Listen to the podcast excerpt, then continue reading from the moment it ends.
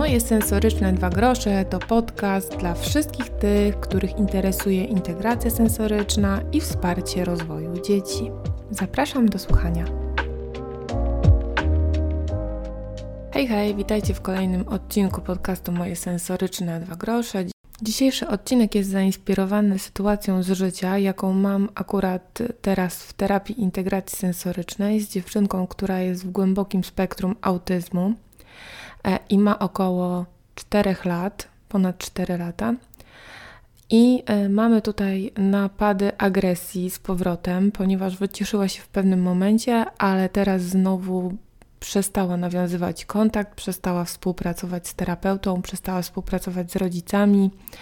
Pojawiły się też różne sytuacje związane z ubieraniem się, czyli e, ubiera się tylko w mięciutkie, welurowe rzeczy i tylko takie e, toleruje. Pojawiły się też trudności związane z wiązaniem włosów, gdzie kiedyś te włosy wiązała w piękne warkocze. Jej mama plotła jej takie kłosy i było super.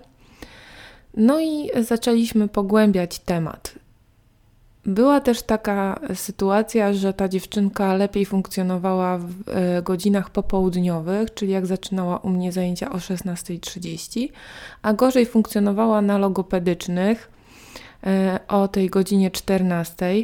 Później e, ta sytuacja też się zmieniła, więc chciałam mm, się dowiedzieć od mamy, o co właściwie chodzi. No i rozmawiałyśmy sobie dosyć długo, bo ta sytuacja ma miejsce gdzieś około już trzech tygodni, więc e, po nitce do kłębka właściwie mm, tutaj zaczęłyśmy drążyć temat. No i okazało się, że mama wprowadziła do diety sensorycznej dziecka samodzielnie, bez konsultacji e, z terapeutą e, i bez konsultacji z przedszkolem terapeutycznym, czyli z tamtym zespołem, bajki terapeutyczne. Bajki terapeutyczne związane z przykrymi zachowaniami dziecka. Zaraz e, tutaj zamieszczę fragment takiej bajki i opowiem, dlaczego właściwie taka bajka jest przeżyciem traumatycznym dla dziecka ze spektrum autyzmu, y, tego niżej funkcjonującego. A więc posłuchajcie.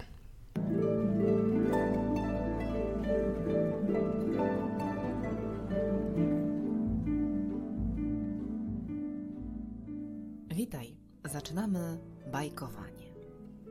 Bajki bawią, bajki uczą. Czasem cię rozweselą, a czasem zasmucą. A jak będzie dzisiaj? Dokąd się udamy i kogo tam poznamy? Zamknij oczy. Zaczynamy.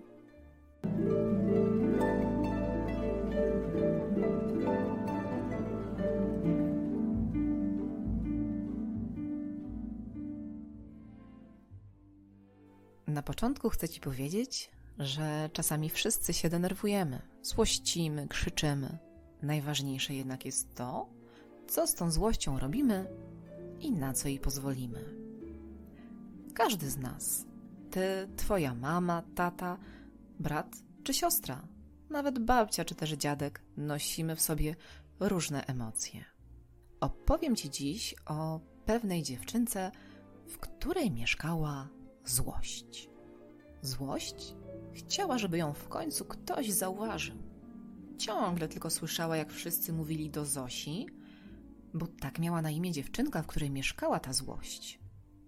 Nie złość się, uśmiechnij się. To nie wypada tak się złościć. To nie powód do złości. Przestań. Najlepsza była radość.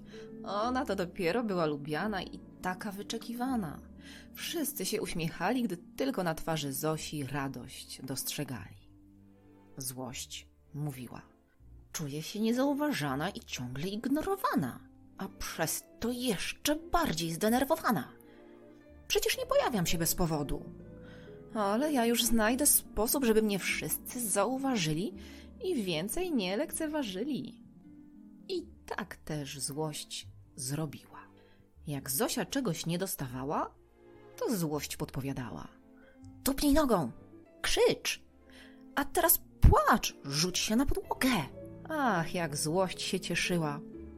Ale po takiej sytuacji czuła się bardzo wyczerpana, tak jak i Zosia. I właśnie, gdy tylko złość się pojawiała, to Zosia a to nóżką tupała, a to krzyczała. Wszyscy się od niej odsuwali, jakby się jej bali, albo też swoje mądre, dorosłe rady dawali. I znowu słyszała: To nie wypada. Przecież to nie powód do złości. Taka duża dziewczynka, a tak się złości. Przestań, wszyscy na ciebie patrzą. Przestań, bo nie dostaniesz cukierka. Jak przestaniesz, to włączę ci bajkę. Zamiast dawać złości bezpieczne ujście, to złość czuła się tak, jakby wszystkie drzwi przed nosem jej pozamykali i nigdy więcej widzieć jej nie chcieli. Zosia też czuła się mocno zakłopotana.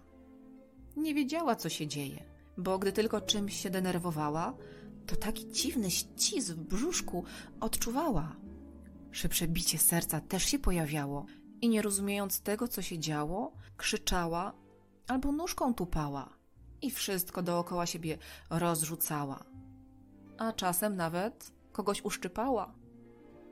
Nikt nie dawał jej rozwiązania, które by ten dziwny ścisk brzuszka puszczało, albo do krzyku, łez, ściskania dłoni w pięści nie doprowadzało.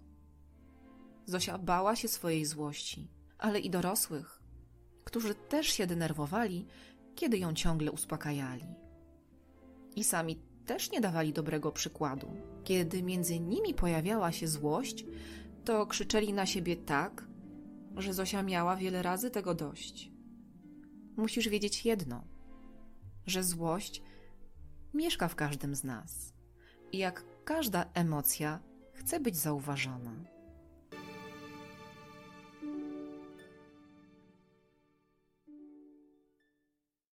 No i okej, okay. po tym właśnie takim wstępie nastąpiło tłumaczenie tego, jak sobie poradzić z tą złością i przedstawienie technik oddechowych.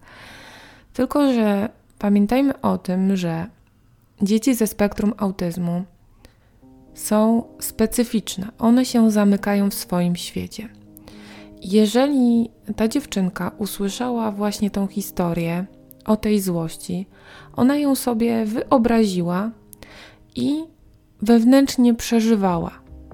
Więc w sytuacjach po prostu każdego zamknięcia ona się w taki sposób zachowywała, jak ta dziewczynka ze złością. Ta bajka jest oczywiście bardzo odpowiednia dla dzieci, które są e, neurotypowe i które nie zamykają się. Może być też odpowiednia dla dzieci, które są w wysoko funkcjonującym autyzmie ale naprawdę nie jest odpowiednia dla dzieci, które się bardzo głęboko zamykają w swoim świecie i przeżywają to po tysiąckrotnie, milionkrotnie w każdej chwili. I ten właśnie stan był widoczny u tej dziewczynki i jest widoczny u tej dziewczynki. A więc mama już zrezygnowana, która po prostu szuka no, rozwiązania y, jakiegoś pomocnego tych zachowań, ponieważ ta dziewczynka też miała w przedszkolu takie sytuacje związane z chłopcem, który ją tam y, atakował, zabierał jej zabawki. Chciała wytłumaczyć dziecku, w jaki sposób y, to wszystko funkcjonuje i na czym polega złość, którą ona odczuwa. Tylko, że wyszło troszeczkę słabo aż się praktycznie popłakała matka, jak ja jej powiedziałam o tym, jak e, to wygląda. Więc wydaje mi się, że to jest dosyć istotna sytuacja do nagrania na przykład takiego odcinka, bo może wiele osób e, nie zdaje sobie z tego sprawy. Także wniosek jest jeden.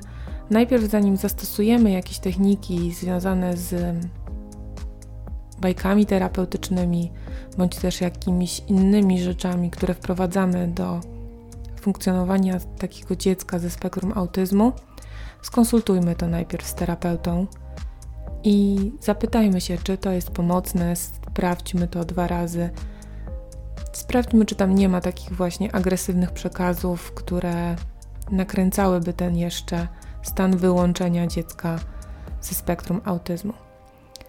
Ale oczywiście nie byłabym sobą, jakbym nie usłyszała też pytania od tej matki.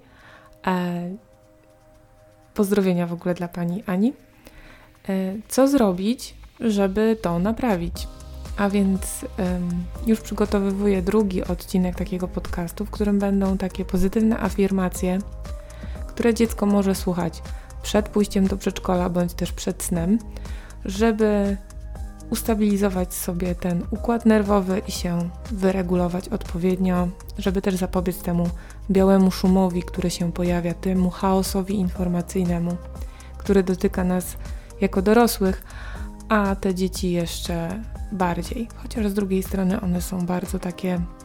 No, one mają naturalne mechanizmy, które bronią ich przed tym białym szumem, bo się wyłączają, więc to też jest takie piękne, że my nieraz nie potrafimy wyłączyć tego telewizora i tego radia i tego internetu, a tutaj właśnie te dzieci ze spektrum potrafią się wyłączyć i zregenerować właśnie sobie ten układ nerwowy. Także w tych trudnych czasach życzę Wam e, dużej regeneracji układu nerwowego, no i już niebawem e, w przyszłym tygodniu pojawią się afirmacje wspomagające właśnie pozytywne nastawienie dzieci do życia i do świata. Także dziękuję Wam za wysłuchanie. Mam nadzieję, że te informacje i moje doświadczenia będą pomocne dla kogoś, jakby nawet i jedna osoba na tym skorzystała, to dla mnie to wielka i ogromna radość. Do usłyszenia. Cześć.